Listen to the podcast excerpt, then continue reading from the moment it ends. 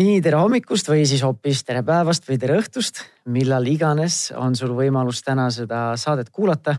see on Pere ja Kodu podcast või siis veebiraadio ja mina olen saatejuht Tanel Jeppinen. ja täna on meil siin äh, saate teemaks, ma ütleks võib-olla isegi selline üks vastuolulisemaid, intrigeerivamaid teemasid, kus me räägime siis äh, kõrvalsuhetest, intiimsusest, äh, truudusetusest ja kõige muuga, mis äh, sellega seondub. Äh, ja selleks on äh, hästi vahva saatekülaline Pille Kütt. tere, Pille. tere. ja kui sa oled nüüd selline paadunud Pere ja Kodu podcast'i kuulaja, siis võib-olla tema hääl ja nimi tuleb tuttav ette, sest esimeses, kõige esimeses kahes saates oli Pille üks saatekülaline koos Roman Timofejeviga, ühe teise terapeudiga, kus me siis rääkisime just selle suhte muutusest ja siis ka sellisest lähedusest äh, äh, just lapsevanemate vaatevinklist. ja, ja täna siis võtame need samad teemad ja natuke keerame seda vunki juurde ja natuke tutvustuseks ka, kui, kui Pille Kütt on äh, uus nimi sinu jaoks, kui sa ei ole neid varasemaid saateid kuulanud, siis Pille on pere ja baariterapeut ja ka seksuaalnõustaja ja töötanud terapeudina siis kümme aastat. ja see on siis mina ei ole terapeut, ma ise käin küll naisega teraapias ja olen käinud varasemalt ka, aga endal juba uudishimu natukene pitsitab ka, et kas sa saad äkki lühidalt Pille rääkida, et seksuaalnõustajana, et milliste teemadega, kui sa saad nagu üldistada, sa igapäevaselt tööalaselt kokku puutud? Või mis need sellised levinumad, ma ei tea siis kas mustrid või teemad on need, mille, mis sinu kabinetti jõuavad mm. -hmm. et kõige levinum teema on ikkagi see, et äh, partneritel on erinev seksuaalne iha mm -hmm. ja mis mhm. siis sellega peale hakata, et valdavalt on see siis kujunenud nii, et naine tahab vähem seksi ja mees rohkem seksi ja kuidas sellega siis toime tulla. ja see ei äh, pruugi olla alati nii olnud. Äh, suhte alguses on võib-olla seks olnud väga tormiline ja iha mhm. on mõlemal olnud väga kõrge, aga vahepeal on midagi juhtunud, et see iha on äh, ära kadunud, lähedus on ära kadunud. ja siis me püüame sellest rääkida ja mõelda, mis me teha saame. et see on äh, üks väga mm, selline levinum teema, millega minu juurde tullakse ja sealt edasi kui need ihad on väga erinevad ja kontaktpartnerite vahel on ära kadunud, siis äh, jõudes natuke meie tänasesse teemasse, siis äh, tihti on seotud sinna ka siis äh, truuduse või truudusetuse teemad, et mm -hmm. ühel partneritest on olnud afäär. ja siis sellest rääkimine väga põnevad teemad, et võib-olla jõuame, vaatame, kui paljudesse nendesse teemadesse me täna jõuame või alamte, alamteemadesse, siin saab nagu rääkida väga palju erinevatest asjadest, küll siis monogaamiast, polügaamiast, erinevatest suhtevormidest, truudusetusest ja alustades sellest nagu, mis sa rääkisid ka, et see, see iha või see tung on väga erineval tasemel. ja igaks juhuks mainin ka vahemärkusena kuulajatele, et tänane saade ilmselt nagu teema püstitusest võisid äh, märgata, et ilmselt ei ole kõige parem kuulata selliste väikeste süütute kõrvadega koos, kui sul on lapsed samal ajal kuulamas. Äh, aga lähme siis selle teema juurde, et äh, kui sa rääkisid ka, et see, et hästi sage selline teema, mille, millega pöördutakse sinu kui seksuaalnõustaja ja võib-olla baariterapeudi juurde ka, siis ongi see, et need ihad on erinevad aga mulle nagu tundub, et see on, see on suht nagu ongi ju nii igas suhtes, et me ei saa nii või teisiti olla need asjad samamoodi. ja üks asi nii-öelda erinev, kuna me oleme erinevad inimesed, meil on siis nii-öelda erinevad nii-öelda need ihad või tungid on ju. aga siis teine see ka, mida ma olen kogenud enda elus nii noore või äh, vana, vana inimese elus nagu ma, mis ma olen kolmekümne nelja aastane, me oleme partneriga koos olnud pool oma elust, seitseteist aastat saab kevadel. et ajas ka need ihad nagu muutuvad erinevalt, et ühel langeb või teisel tõuseb siis olenevalt siis kas tööstressist, eh, lapsevanemaks saamisest, mingid muud hormoonid eh, möllavad ühte või teistmoodi, et. et need nii või teisiti ei saagi olla ju kogu aeg ühte samamoodi, et, eh, et millisest piirist siis see on täiesti okei okay,, et noh, ongi normaalne nähtus ja millisest hetkest see võib hakata seda suhet mõjutama siis kas toksiliselt või siis äh, nii-öelda ebanormaalselt mm. -hmm. et äh, äh, see on äh, ikkagi nii, et kui need kaks partnerit omavahel, nad suudavad rääkida seksuaalteemadel, suudavad rääkida lähedusest, suudavad olla kontaktis omavahel, siis tõenäoliselt polegi probleemi mm. -hmm.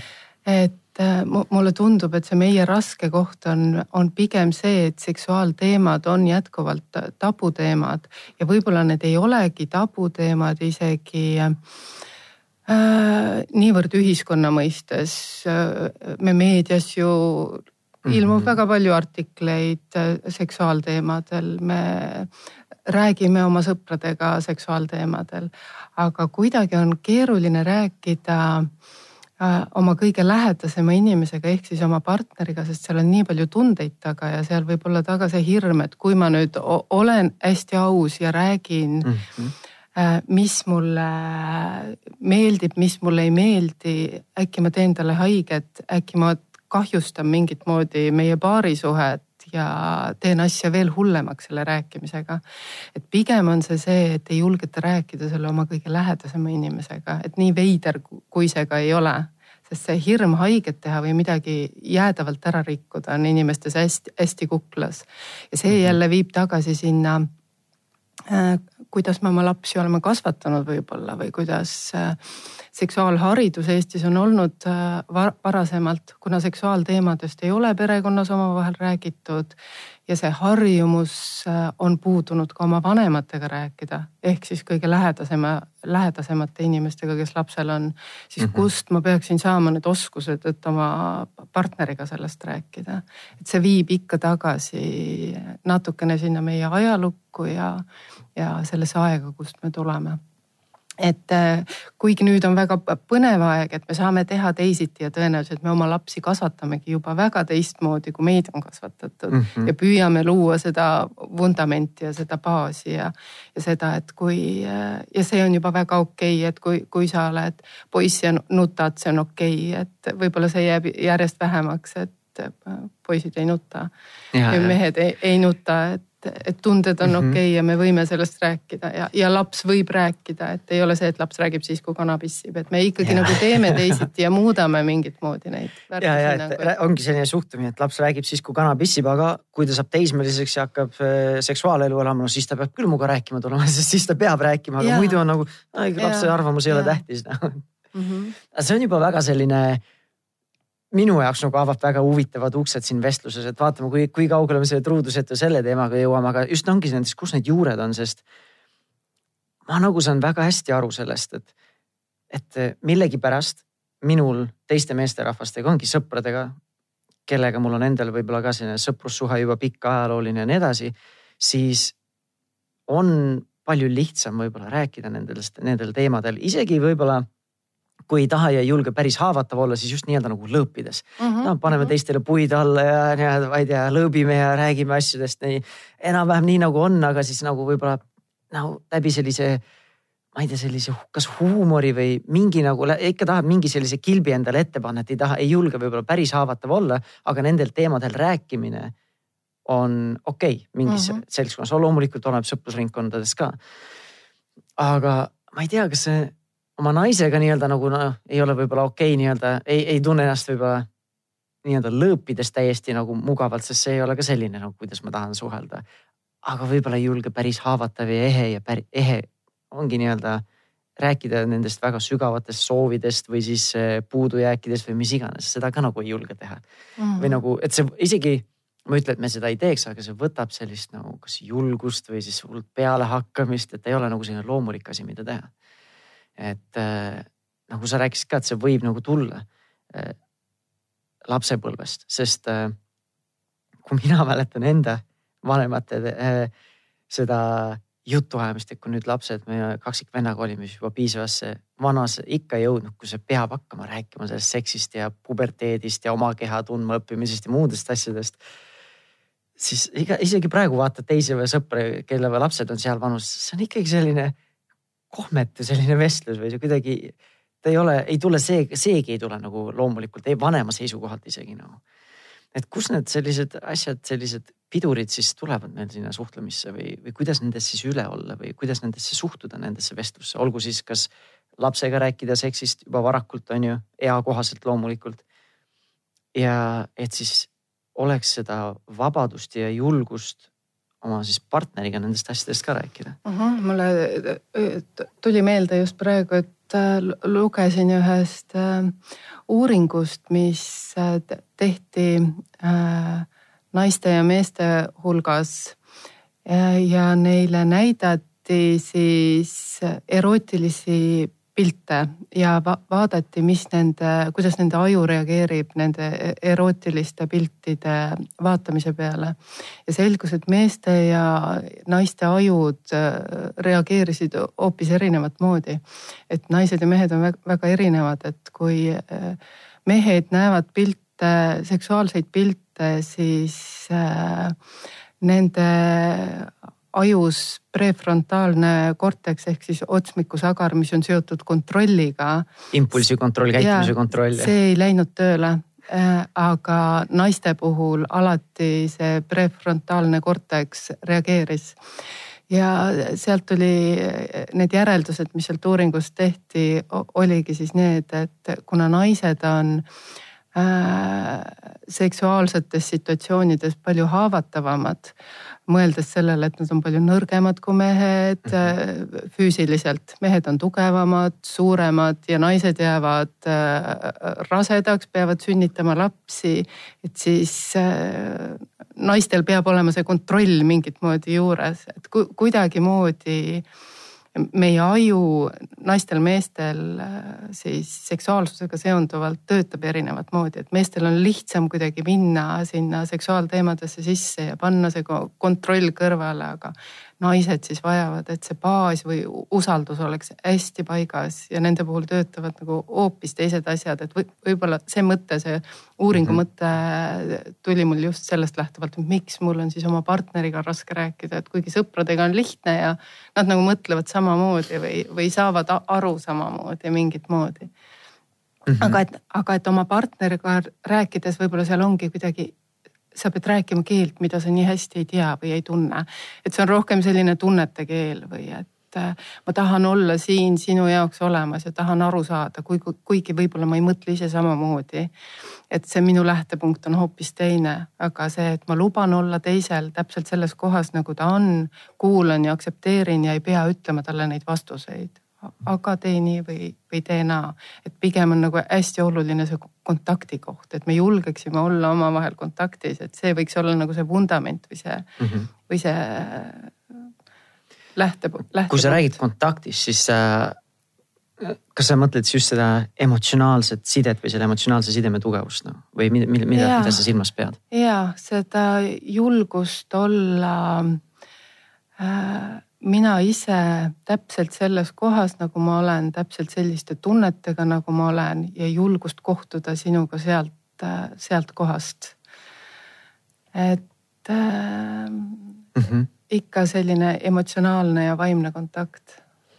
ja kui sa rääkisid sellest uuringust, siis äh, kas nii-öelda, ma ei tea, kas see on selline üldistamine või räägitakse, et kui naised siis on truudusetud või siis petavad või on kõrvalsuhe, et siis see on rohkem nagu emotsionaalne ja meestel on see sagedasti või sagedamini rohkem nagu füüsiline, füüsilise kontakti otsimine. kas võib niimoodi üldistada või see on natukene selline liiga lahmimine? Mina oma töös, need lood, mida ma näen, äh, minu töö näitab mulle teistsugust pilti. et ma just enne saadet mõtlesin ka, et mis on, millised on need paarid, kellega mina töötan ja millised on olnud need truudusetuse lood, millega mina, mina olen töötanud. ja valdavalt on need olnud Äh, sellised lood, kus äh, naisel on olnud afäär, mitte mehel. et selliseid mm -hmm. nii-öelda klassikalisi afäärilugusid, kus äh, mehel on armuke, on olnud mõne, mõned üksikud, et valdavalt on see ikkagi see, et, et naine tunneb ennast õnnetuna, tunneb ennast nii, et ta ei saa väljendada oma tundeid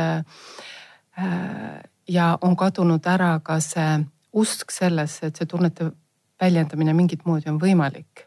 et see naiste suhtumine tihtipeale kipub olema see, et mul ei ole mõtet rääkida, ta ei saa nagunii aru, see tema koht on nii erinev mm. -hmm. et see usk nagu on kadunud, et see kontakt meie vahel võiks üldse olla. ja kui seda kontakti ei ole, ei ole võimalik ka hea seks naise mm -hmm. jaoks. et ta sooritab mingit füüsilist tegevust, aga kui tema jaoks seda emotsionaalsust või emotsionaalset lähedust seal taga ei ole, siis see on lihtsalt mingi tegevus ja vahet pole, kas ma seksin sinuga või rahuldan ennast ise või seksin kellegi teisega mm. -hmm. et see ei lae või see ei toida mingit moodi selline tühiseks. aga kas ikka võiks siis nagu üldistada, et, et see on rohkem siis emotsionaalne naise puhul või siis ta ikkagi otsib seda emotsionaalset intiimsust ja seda lähedust, et keegi nüüd kuulaks teda ja mõistaks teda ja saaks temast aru ja, ja nii edasi. ja et ma arvan ka, et see viib, viib tagasi mm, natukene taaskord ajukeemia juurde. Et see, et ma suudan olla lähedane ja, ja, ja nautida, et see kontakt oleks olemas, et see viib äh, õnne või armuhormooni oksüdotsiini juurde, mis äh, vallandub ka ema-lapse kontaktis, et see on selline heaoluhormoon, mis vallandub lähedussuhtes. Et on tehtud erinevad uuringud, näiteks äh, uuriti hiiri nii naljakas, kui see ka ei tundu, aga et on teatud hiireliigid, osad äh, kus, äh, kelle ajud to toodavad oksüdotsiini ja teised hiireliigid, kus neid oksüdotsiini retseptoreid ei ole. ja uuriti neid erinevaid hiireliike ja see selgus siis see, et need hiired, äh, hiireliigid, kus need oksüdotsiini retseptorid on nii-öelda olemas ja seda õnne või seotuse hormooni nende aju toodab siis kui need, need hiired hoidsid oma paarisuhet, nad paaritusid, said järglasi ja see isas loom ei läinud oma partneri juurest ära isegi siis, kui väga atraktiivne emas loom teisest puurist välja lasti. et kui see oksüdotsiin oli olemas, siis nad ikkagi jäid oma partneri juurde ja oma poegade juurde, mitte ei läinud mujale. aga need hiireliigid, kus seda oksüdotsiini ei toodetud ja seda ei olnud, siis nemad paaritusid valimatult erinevate hiirtega.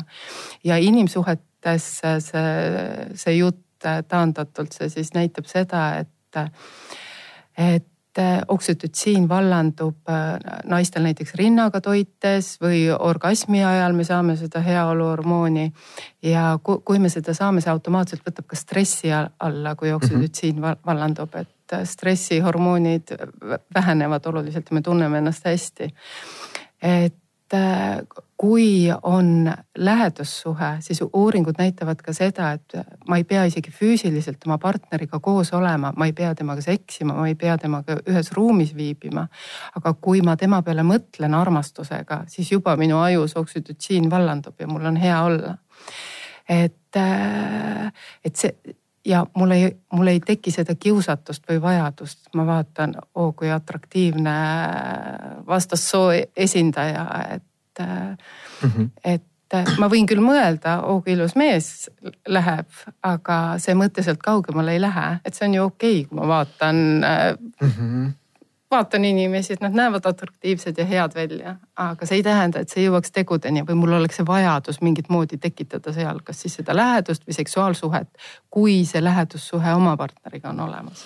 aga see on ikka, tundub selline hea dile- või nii-öelda nagu koht, mille üle nagu arutleda just see ka, et kas see on siis see, et, et mul on seda oksütotsiini seal organismis, et ma nagu ei olegi soovi seda teha või siis ongi siis see otsmikusagar lööb sisse ja nüüd hakkab, aitab reguleerida seda käitumist ja neid ihasid, mis mm -hmm. tulevad kuskilt alumistest ajuosadest on ju mm. -hmm. et või, või kuidas sa, mis, mis sina arvad nendes, selle, selle kommentaari äh, kohta? ma mõtlen veel, üks uuring, mis ma veel lugesin, oli see, kus äh, Äh, heteroseksuaalsetele meestele näidati äh, mitte ei näidatud, aga pihustati ninaspreid, oksüdotsiini ninaspreid ja siis peale selle oksüdotsiini pihustamist äh, sinna ruumi sisenes väga atraktiivne naisterahvas. ja, ja lubati sellel naisel minna meestele nii lähe, lähedale ja mehed ise pidid reguleerima, kui lähedale nad selle mm -hmm. naise endale lasevad.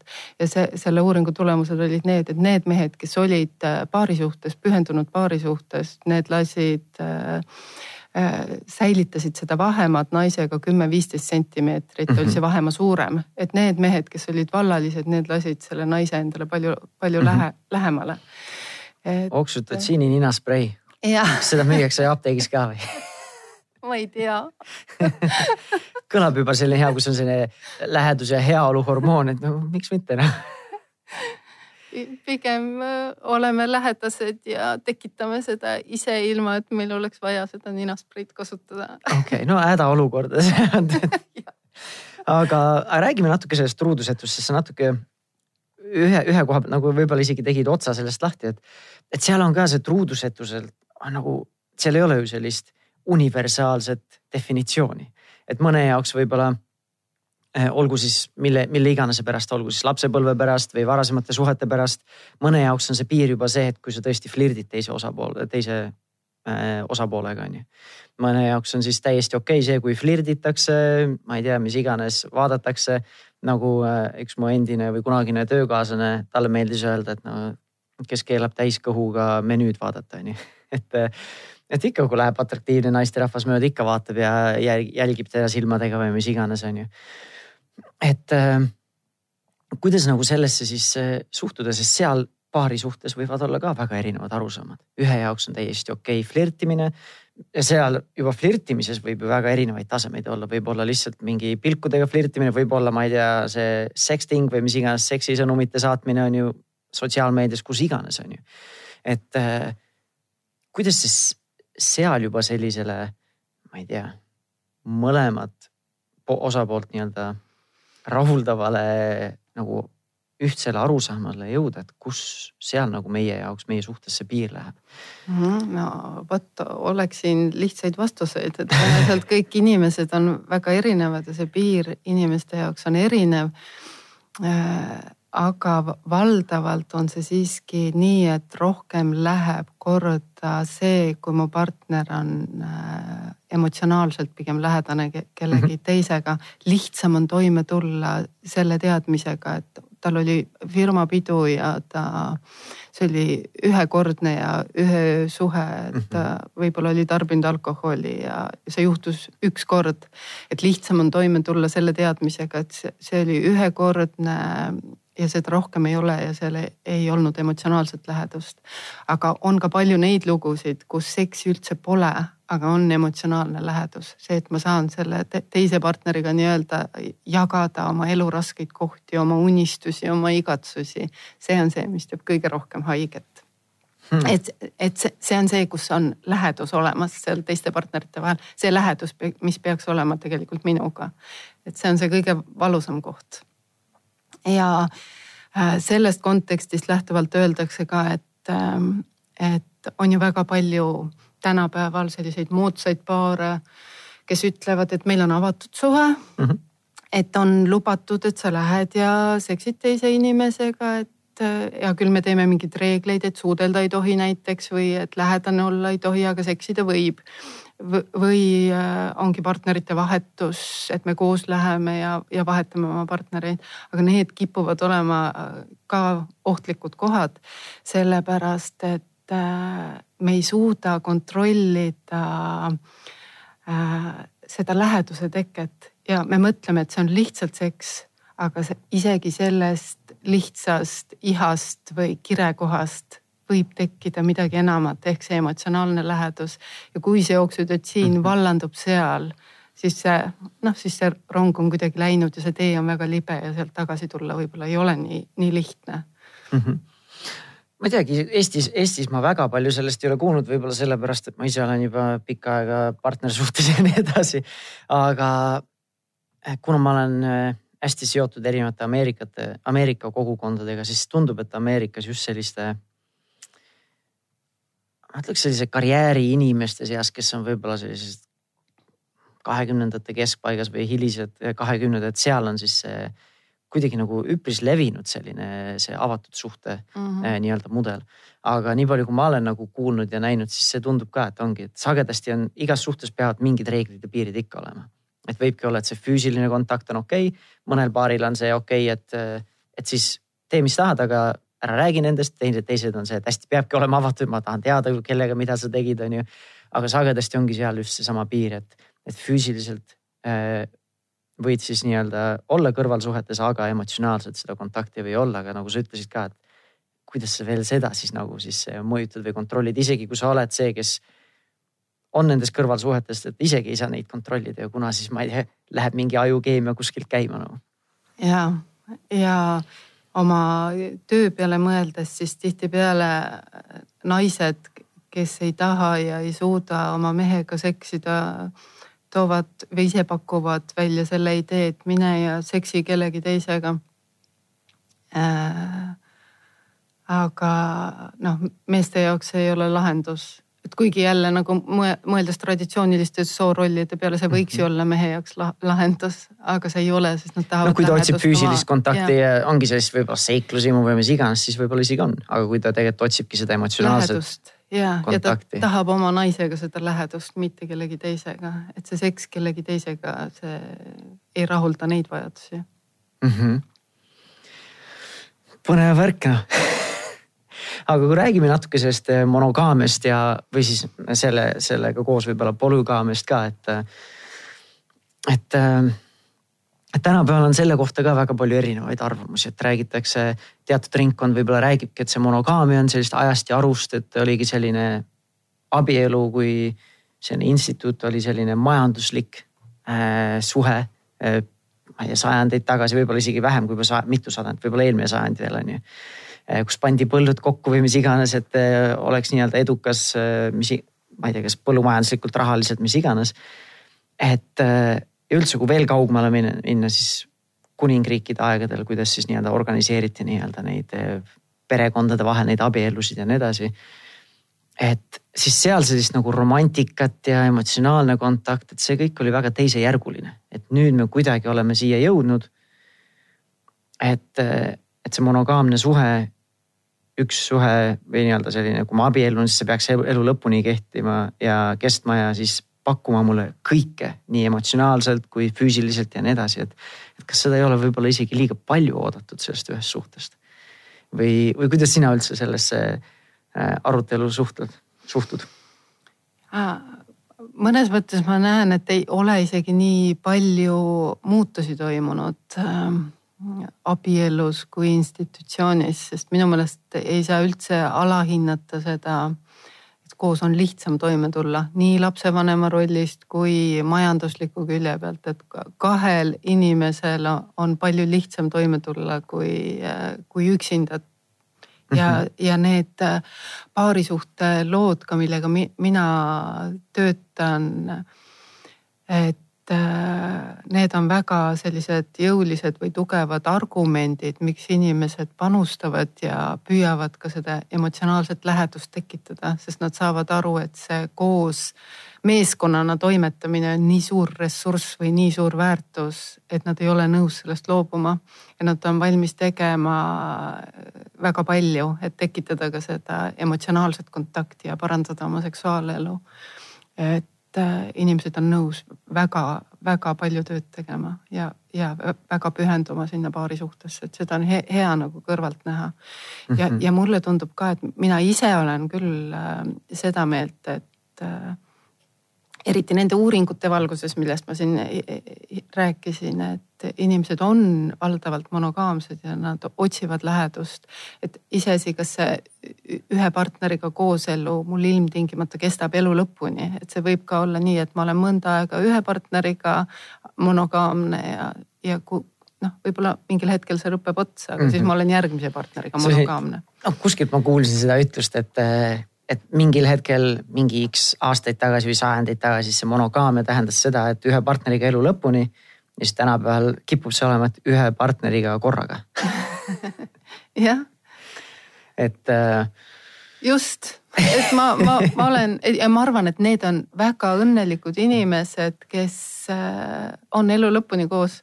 sest ma arvan, et see on see on ainult tohutu ressurss ja, ja suur õnn, kui sa leiadki kohe sellise inimese, kelle, kellega sul on nii palju jagada ja kes tekitab sinust kirge ja kellega on huvitav areneda ja. ja kui mõelda seda, et armastussuhe ei ole staatiline ja meie seksuaalsus muutub ja, ja meie suhe muutub ajas kogu aeg, et mul oleks selle inimesega kogu aeg põnev. ja huvitav ja meil on nalja ja meil on jagamist ja, ja see on nii suur väärtus või nii suur ressurss ja no kui sa sellest räägid, siis ma arvan, et enamus kuulajad noogutavad, et muidugi ma tahan seda nagu, et seda kõike, aga natuke hästi kiiresti korraks tagasi tulles selle eelmise punkti juurde, mis sa, millest sa rääkisid, et, et see paarisuhe loomulikult, ma ise tunnen ka, eriti nüüd näiteks lapsevanemana, see teeb elu oluliselt lihtsamaks. ja mm, -hmm. ja, ja ma olen ise nagu kohanud ka tuttavate seas, kellel on näiteks suhe olnud äh, ma ei tea, kas päris karil, aga sellest on mingid väljakutsed seal suhtes olnud ja siis juba ongi see, et emotsionaalselt loomulikult meil on kogu see ajalugu ja selline nii-öelda nagu mälestused ja need emotsioonid nii-öelda minevikku vaadata on ju. Äh, aga samas nagu isegi ka loogiliselt võttes ongi see, et nagu pagan, nagu ma hakkan nüüd täiesti otsast peale, hakkan uut inimest tundma õppima tema nii-öelda siis laiendatud pere, nendega suhteid looma, et ma lihtsalt, mul ei ole aega ja energiat selle jaoks, ma parem, parem proovin selle ära parandada, mis mul praegu siin on, et ongi nii emotsionaalselt kui ka tegelikult mingil tasemel loogiliselt mõelda, et see, see on nagu liiga suur ettevõtmine, et kui sul ei ole sellist väga tugevat stiimulit, et ongi, sa tunnedki ennast võib-olla reedetuna, millest sa ei suuda üle saada või, või mis iganes. et siis ma lihtsalt võtan selle, mis on ja proovime selle korda saada või ära parandada selle nagu. et, et ma nagu nõustun sellega, mis sa ütlesid, et see on nagu väärtus omaette ja see nõuab palju ressurssi, et seda võib-olla saavutada mm. -hmm. aga mingist hetkest võib-olla see võib väga selliseks nagu loogiliseks ka minna, et tegelikult see ei ole sulle enam ju, ta ei anna sulle enam võib-olla midagi mm. emotsionaalset, et kus seal seda siis, kas nagu piiri teha, tõmmata või siis vahet teha, et mis hetkest ta võib-olla nagu kaotab selle mõtte nagu panustada ja pingutada siia, et selle asemel, et siis olla seal kõrvalsuhtes, et siis tegelikult tunnistada ka, et, et kas me teeme midagi, et seda suhet päästa või siis nii-öelda nagu jätame selle enese väärikuse alla, siis läheme nii-öelda lahku mm. -hmm. et see, võib-olla see teadmine peab ikkagi tulema iseenda seest, et seda ei saa keegi väljastpoolt sulle ette öelda, et kuule, nüüd küll teil seal ressurssi pole.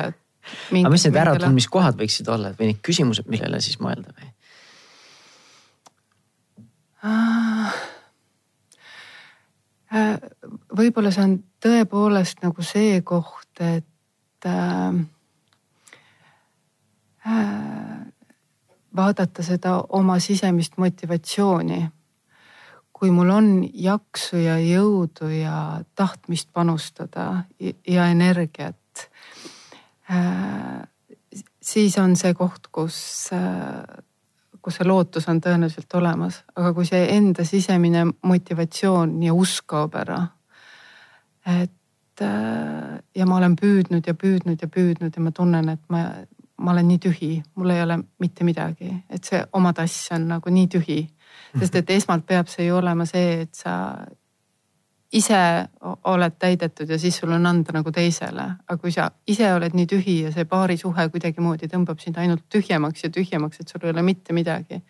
et võib-olla see on see koht, kus, äh, kus peab mõtlema, et kas sa oled õiges kohas ja õige inimese kõrval mm. -hmm. kui sa ise tunned, et mingil hetkel, et see on võib-olla siis nagu toksiline suhe, et see nagu, nagu ühepoolne mingil tasemel. ja kui ta ei anna sulle mitte midagi, et isegi kui, kui see kontakt on olemas, et me saame rääkida, aga see ei toida mind. et, et võib-olla siis see on see koht mm. -hmm. me natukene rääkisime selles esimeses pooles ka, et, et üks põhjus, miks võib-olla keegi otsib seda kõrvalsuhet või isegi ta ei otsi, aga lihtsalt kui ta saab seda tähelepanu või seda lähedust või, või, või mis iganes sealt kellel, kelleltki teiselt. et siis ühiskonnas ikkagi tavaliselt nii-öelda tahetakse alati nagu süüdlast leida, et näed, tema pani kõrvalt, tema on siis süüdi, tema on halb inimene, mis iganes. aga tegelikult noh, reaalsuses ilmselt vist ei ole nagu nii must ja valge, et eh, loomulikult, kui ma võtan täiesti teise äärmuse, et see suhe ongi võib-olla hästi ühepoolne ja toksiline. ja, ja siis see üks pool, kes tunnebki, et ta nii-öelda see tass on tühi ja läheb, otsib. et kui ma tegelikult tean seda tervet pilti, siis ta võib-olla ei tundu nii nagu mustvalge, et see, kes nagu läks äh, kõrvalsuhtega kaasa või selle teise, mis iganes selle hormoonide või emotsioonidega äh, läks kaasa, et siis et tema nagu on üdini süüdi, et, et kus see ma ei, ma ei tea, ilmselt sa ise kohtud seda palju seda süüdistamist oma selles mm -hmm. praktikas, et äh, ma ise nagu tunnen, et, et see on selline nagu võib-olla käitumismuster, mis ilmselt nagu ei aita selle paarile kaasa selles olukorras või mm, -hmm. või on see halb, vale hinnang või mm? -hmm et ma mõtlen ka, et miks siis üks partneritest äh, teeb selle valiku, et, äh, et tal on afäär.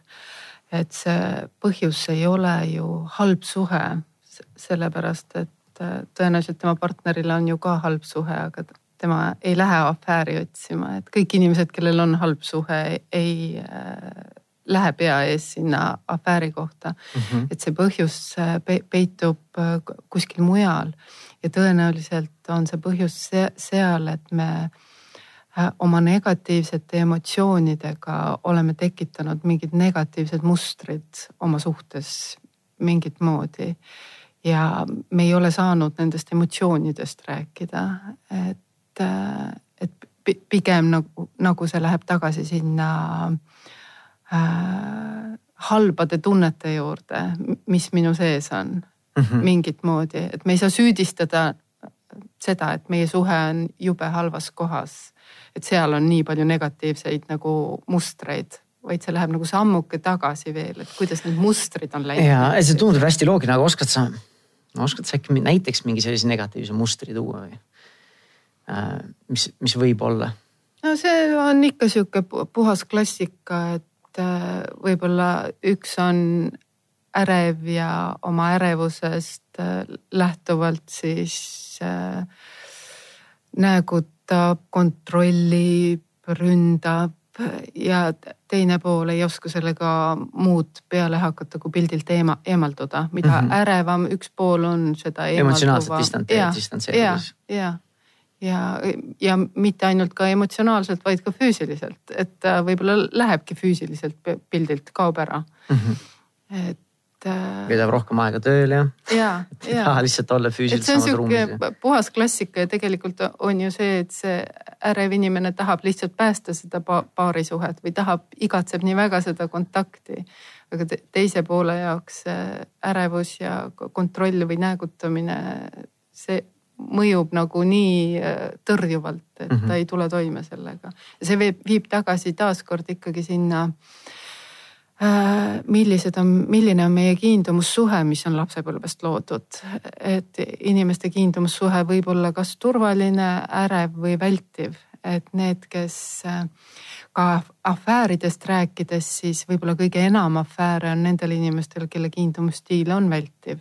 kelle muster on see, et kui on mingi jama, siis ma eemaldun pildilt mm. -hmm. ja ohtlik on olla kontaktis ja ohtlik on olla ka mittekontaktis mingit moodi. et see vältimine mustri osana ja seal on tavaliselt ka see, et seks on lihtsalt mingi füüsiline toiming et see, see ei ole võib-olla seotud nii emotsionaalse lähedusega ka oma partneriga mm. -hmm. et äh.... oskad sa veel natukene kirjelda seda vältivat, seda ma ei tea, tendentsi või siis käitumismustrit, et kuidas seda siis kas ära tunda või et kui ma nüüd konfliktis või mingis olukorras käitun nii, et äkki ma siis mitte, et me tahaksime kogu aeg sildistada ennast, aga lihtsalt märgata mingeid asju nagu mingeid mustreid iseendas mm. -hmm. no, no see on äh, see, mida terapeut aitab teha mm, -hmm. aitab aru saada nendest mustritest, et tihtipeale on, on see, et äh, kui need mustrid on nagu nii sisse juurdunud, siis endal, kui mul on tunded oma partneriga seonduvalt, mul ongi raske märgata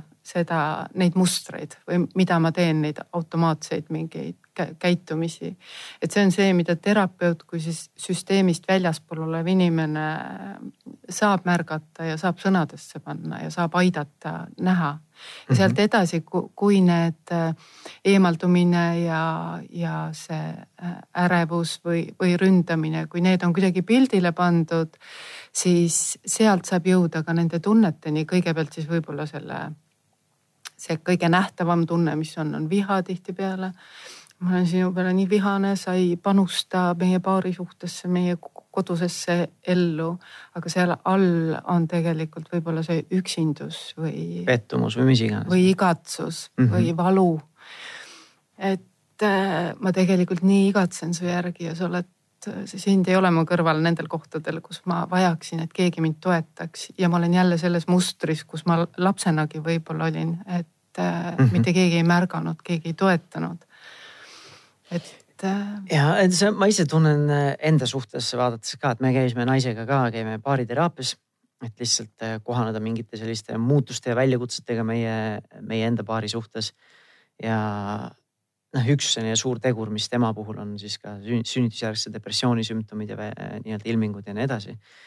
aga ma ise tunnen ka, et kui ma ise võib-olla, me oleme, olengi varsti seitseteist aastat koos olnud, ise tahaks arvata, et ma olen väga avatud ja vaba suhtleja ja, ja suudan nagu rääkida kõikidest teemadest nii nagu on ja, ja nii edasi, siis ma neid, oli vist paar nädalat tagasi ka, kus ma ise vaatasin ka, et nagu tegelikult enamus probleemid tulevadki lihtsalt kommunikatsioonid mingit mm -hmm. erroritest noh mm -hmm.. sest oligi, et mingil hetkel ma olen, töötan ise kodukontoris, ma ei olnud ümber lülitunud veel nii-öelda pererežiimile. tulin alla läksin mingite stiimulite, mingite päästikute või trigger'ite peale endast välja, hakkasin paugutama naisega ja ja siis mingil hetkel nagu tunnen ka, et äh, naine ütleski, et nad hakkasid just õue minema, et kuule, lähme ära õue, et ma ei taha siin praegu selles keskkonnas olla. siis ma ise mõtlen ka, et nagu, nagu miks ma seda tegin tegelikult, tegelikult ma ei tulnud nende, ma ei tulnud nende soovidega või nende sellise agendaga sealt alla korrusele, et hakata kedagi rivistama ja nii-öelda äh, kärkima seal. aga, ja, ja oligi see hetk ka, et kui naine tahtis välja minna, siis ma ise sain ka aru, et tegelikult, miks ma tahtsin tahtsingi tegelikult kontakti, aga ma lihtsalt nagu risti vastupidiselt käitusin. just käitusingi nii-öelda no, niimoodi, et, et tema lükkaks mind endast eemale, kuigi tegelikult ma tahtsin lähedust ja kontakti. ja kui ma selle nagu kohale jõudsin või see asi jõudis kohale mulle, siis saigi nagu ise ka nagu tunnistatud oma võib-olla sellist valet käitumist ja öeldagi, et et ma tegelikult, ma ei taha, et sa ära läheksid, ma tegelikult tahaksin koos olla, koos perega, sinu ja koos lastega praegu olla, sest tööstress oli nii-öelda liiga suur ma tegelikult tulingi kontakti otsima, aga millegipärast käitusin hoopis risti vastupidist no.. Ja, ja see oli, kui ma nüüd sellele olukorrale siis mõtlesin, siis mul enda oli nagu suur avastus, kuidas ma ise selle asja sain nagu tulla või mitte nagu sain tulla, aga et see jõudis nagu kohale. ja kui veel tagasi vaadates neid olukordi, see nagu loendamatu kord, kui ma tegelikult tahtsin saavutada hoopis seda kontakti või lähedust, aga käitusid risti vastupidiselt. et selline, ma ise tunnen, et hästi sagedasti meil ongi endal mingid nagu kommunikatsiooni errorid ja mitte võib-olla ainult sellega, et mida ma väljapoole paiskan oma suhtlemisega, vaid kõigepealt nagu, kuidas ma iseendast nagu aru saan, mis mul endal sees toimub. ja, ja vaata, siit tulebki välja see sinu eelis, et sa oled eh, nii teadlik, sa oled palju lugenud, sa oled palju uurinud ja. ka aidanud. ja sa oled teraapias käinud ja see on juba see väga hea koht, et sa suudad märgata neid mustreid ja see ei tähenda seda, et, et kui ma olen teraapias käinud, et mul kunagi enam konflikte ei tule, konfliktid võivad ikka tulla. aga kui sa peale seda konflikti, kui tunded natukene alla lähevad, saad aru, mis siis toimus ja mis need sinu tunded seal on ja mis need sinu täitmata vajadused seal all peidus on äh, see loob juba selle pinna, et sa saadki minna ja oma partneri juurde ja talle mõne sõna öelda. Öelda talle, kuule, anna andeks, ma kukkusin sinna oma tunnetesse ja, ja see ei ole üldse see, mis ma tahtsin. et see ongi see, milline elu võiks välja näha, et see elu ei pea olema see, et meil ei tohi ühtegi konflikti olla, vaid mhm. pigem, et me suudaks nendest omavahel rääkida, et need ei jääks meid mürgitama et samamoodi ma mõtlen ka truudusetuse puhul, et äh, kuigi need äh, truudusetuse juhtumid, need on väga keerulised, sest see valu on seal paari suhtes äh, väga suur, et see, see partner, keda on petetud, et see tema valu või haiget saamine ja, ja see läbikukkumise koht ja reetmise koht, need, need on nagu nii suured ja ka selle petja tunded võivad olla nii raske, et see, kuidas toime tulla sellega, et ma ei ole olnud lojaalne ja ma olen läinud oma väärtushinnangutega nii vastuollu ja ma olen teinud haiget võib-olla inimesele, kes on mulle kõige kallim. et äh, see, et luua see äh, kõigepealt äh, see atmosfäär, et sellel teemal üldse on võimalik rääkida. ja et mõlemad partnerid on kohal ja suudavad oma sealt tunde kõrvalt kuulda teist poolt. Et see esmane eeltingimus ka teraapiaruumis on see, et me mõlemad oleme kohal ja me oleme valmis äh, kuulma. siis saab hakata harutama lahti seda lugu, mis paari suhtes äh, juhtus, äh, mis mõlema partneriga tollel momendil toimus, kui see petmine siis aset leidis.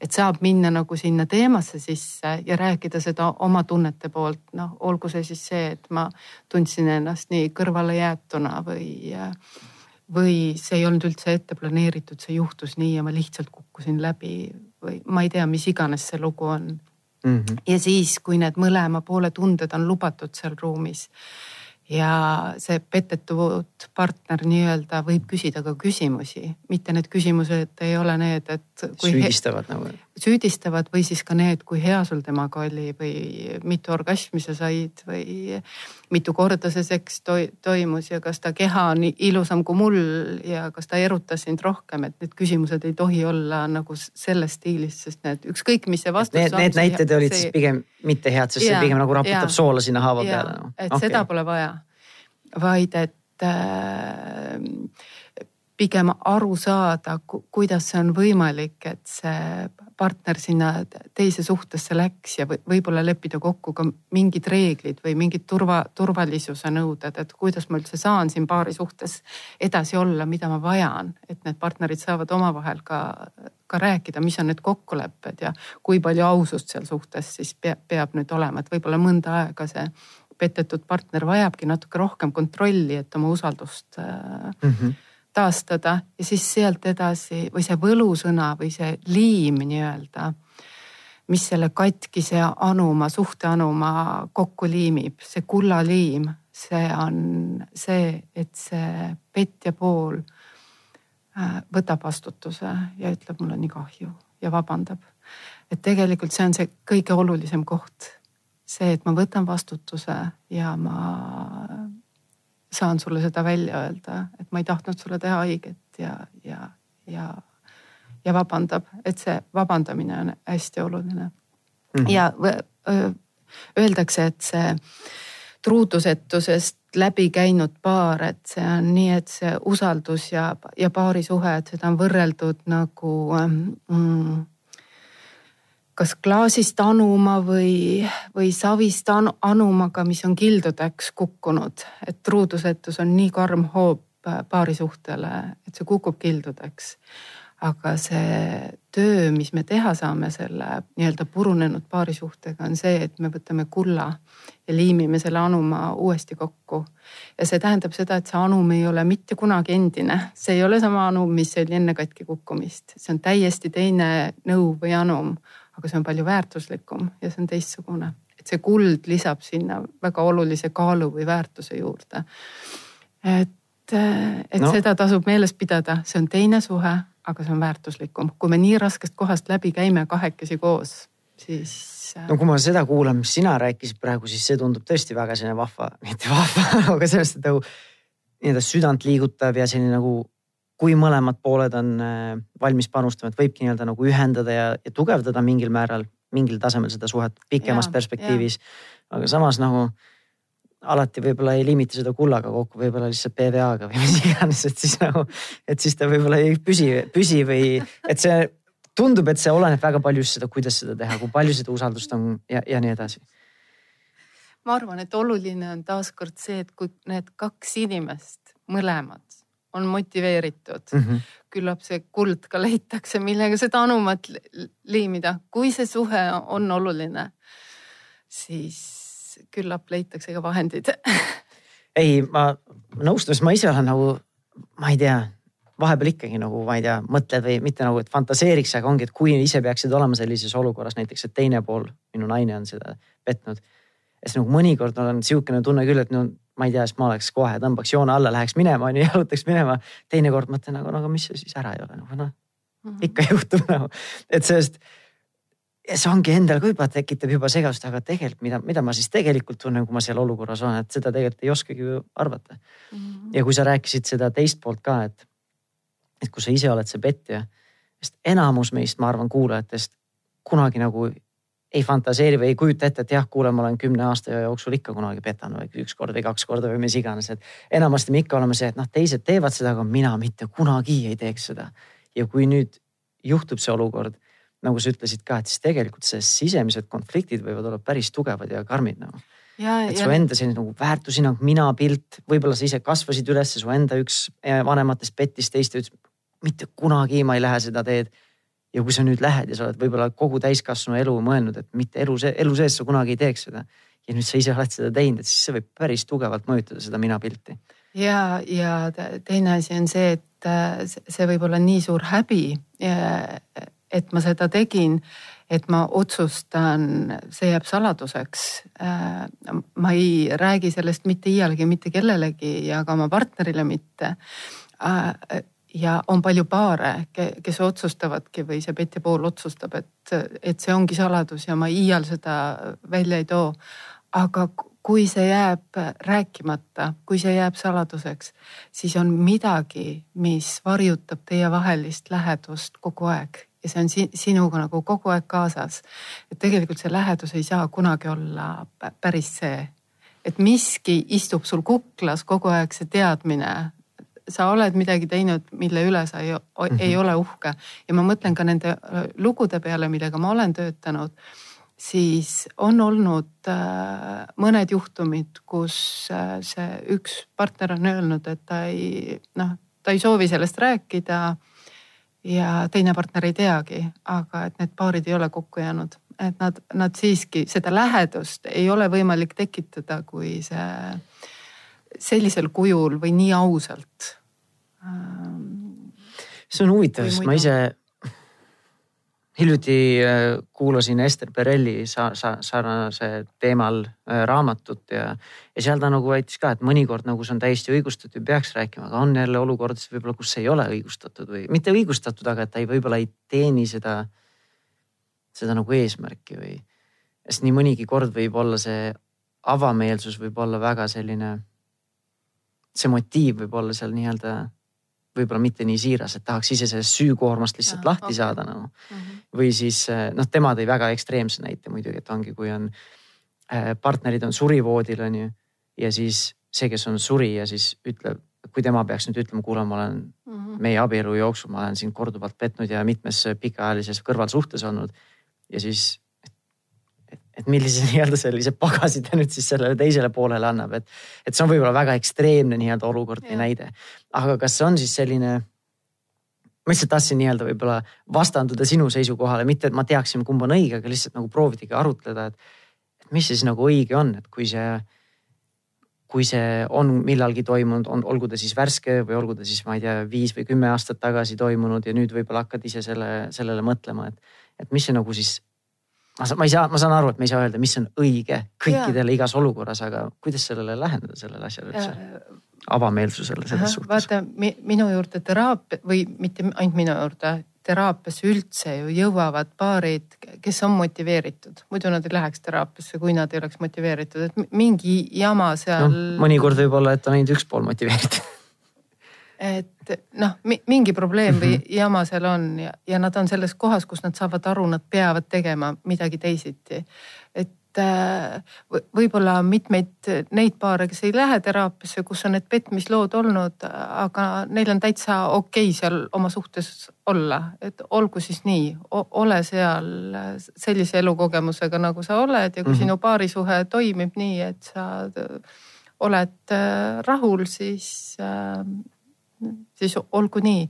aga mina pidasin silmas just neid paare, kes jõuavad teraapiasse ja kes saavad aru, et see paarisuhe ei toimi nende jaoks ja seal on mingid on saladused, mis on välja rääkimata.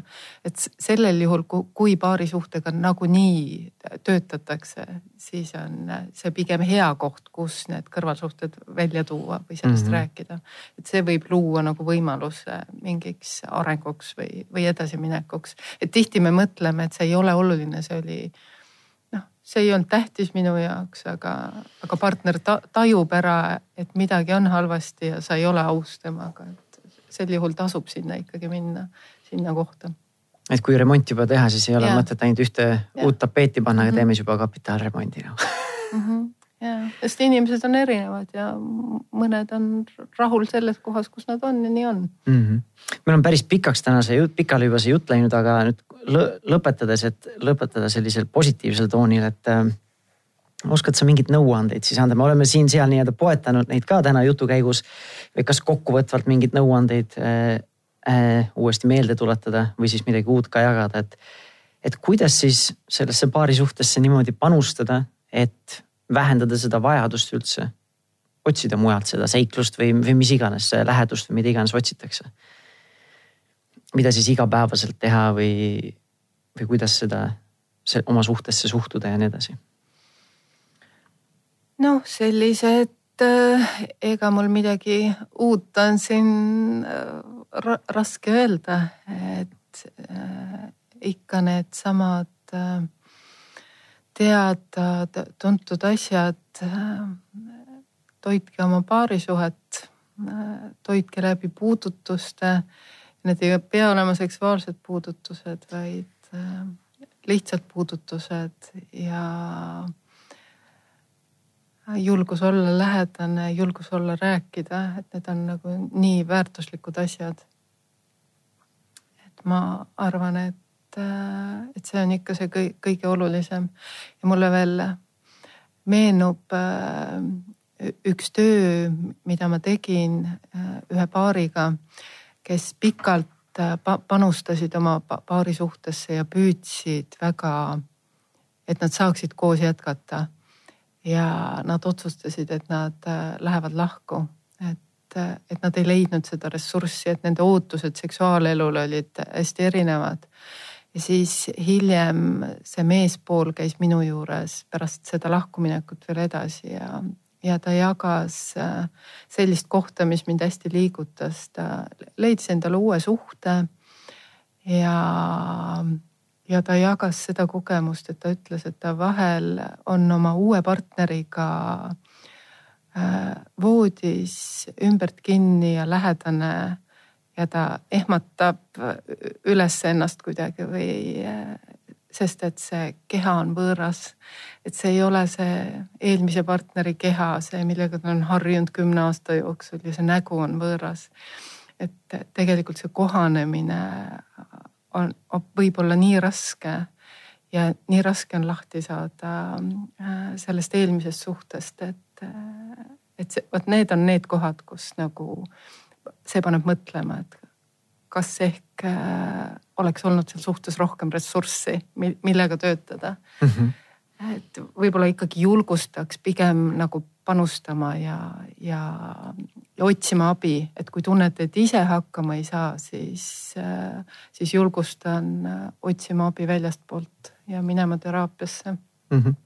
ma ise olen ka vist kolmel erineval episoodil selle seitsmeteist aasta jooksul äh, oleme partneriga käinud, naisega käinud äh, teraapias, mõnikord on olnud see hästi lühikene, mõned nädalad või mingi kuu ja, ja praegu oleme natukene pikemalt. et ma ise nagu kinnitan ka, et see, et teraapia aitab sagedasti mingitest väljakutsetest üle saada, eriti kui mõlemad on ise avatud töötama sellega ka mm. -hmm ja eks see ole just selline lahendus või nii-öelda abi või õlekõrs, mida haarata siis, kui on sellised väljakutsed, mida millega võib-olla ise ei saa hakkama, aga samas siis nagu me rääkisime ka, et igapäevaselt juba nii-öelda sellist nagu hooldustööd teha oma suhtes, lihtsalt panustada ja hoolida ja olla ehe ja olla päris ja olla haav, julgeda olla haavatav ja sina ise noh. et just need aitavad võib-olla isegi ära hoida selle vajaduse, et sa peaksid lõpuks minema sinna terapeudi kabinetti ja, ja eestlaste peale veel mõeldes äh, ma mõtlen ka äh, seda, et äh, inimesed tulevad teraapiasse, aga nad tulevad liiga hilja. Et nad tulevad sellest kohast, kus seda valu on nii palju ja see negatiivsete tunnete kiht on nagu nii paks, et sealt äh, läbi närida ennast, see on nii valus, nii raske, nii vaevaline ja seda on nii palju kogunenud. et parem julgustan pöörduma pigem varem kui hiljem, et rõõm on näha, kui tulevad äh, inimesed äh, õigel ajal, kus sa saad midagi muuta, kus see lähedus ja kontakt ja see motivatsioon on hästi olemas. et, äh, et kui endale tundub, et natukene kripeldab, aga vist ei ole nii hull, et peaks. ootame veel natuke. ja et ootame, äkki läheb hullemaks, et pigem ära oota, vaid pigem pöördu varem kui hiljem. Vahva suur,, suur-suur aitäh sulle, Pille, et sa tulid uuesti saatesse öö, oma kogemusi, oma mõtteid jagama. kui keegi nüüd mõtleb oma suhte peale just sinu viimase kommentaari võib-olla valguses ka ja ja ise resoneerus ja samastus võib-olla sinu lähenemist ja mõtlemistega, et kuidas ta sinu kohta üldse rohkem infot saada või kus sind leida siis mm -hmm. kas internetis või ma ei tea, telefoniraamatus või kust iganes? et äh, Eestis on palju häid pereterapeute, et äh, pereterapeutide ja ka minu kontaktid leiab pereterapeudid.ee mhm. kodulehelt, et äh, ja minu kohta rohkem infot on vaiter.ee Vaiter siis tavalise V-ga? jah, vaimse mm -hmm. tervise edendamise kompetentsikeskus. okei okay,, nüüd on arusaadav mm. -hmm. nii et vaiter.ee rohkem infot sinu kohta ja üldse baariteraapia, terapeutide kohta baaridi. Äh, pereterapeudid.ee. pereterapeudid.ee mm. -hmm väga vahva, suur aitäh sulle veel kord ja seniks kuulajale äh, vahepeal nende saadete vahepeal äh, saad jälgida Pere ja Kodu ja Delfi veebi ja Facebooki lehtesid, kus tuleb päris sagedasti väga asjalikke artikleid üldse pereteemadel ja ka lähisuhete teemadel. ja kui mingil, mingil põhjusel soovid minuga rohkem kahepoolselt suhelda, siis ma juhin ja modereerin vanematele suunatud Facebooki gruppi Positiivne ja rahumeelne vanemlus, kus praeguseks on juba ligi kuus tuhat eh, lapsevanemat liitunud. paarisuhetest ja kõrvalsuhetest me väga palju seal ei räägi, aga räägime rohkem just lapsevanemate teemadest nagu laste kasvatamisest ja nii edasi. vot, aga seniks ka sulle, kuulaja, suur aitäh ja järgmise korrani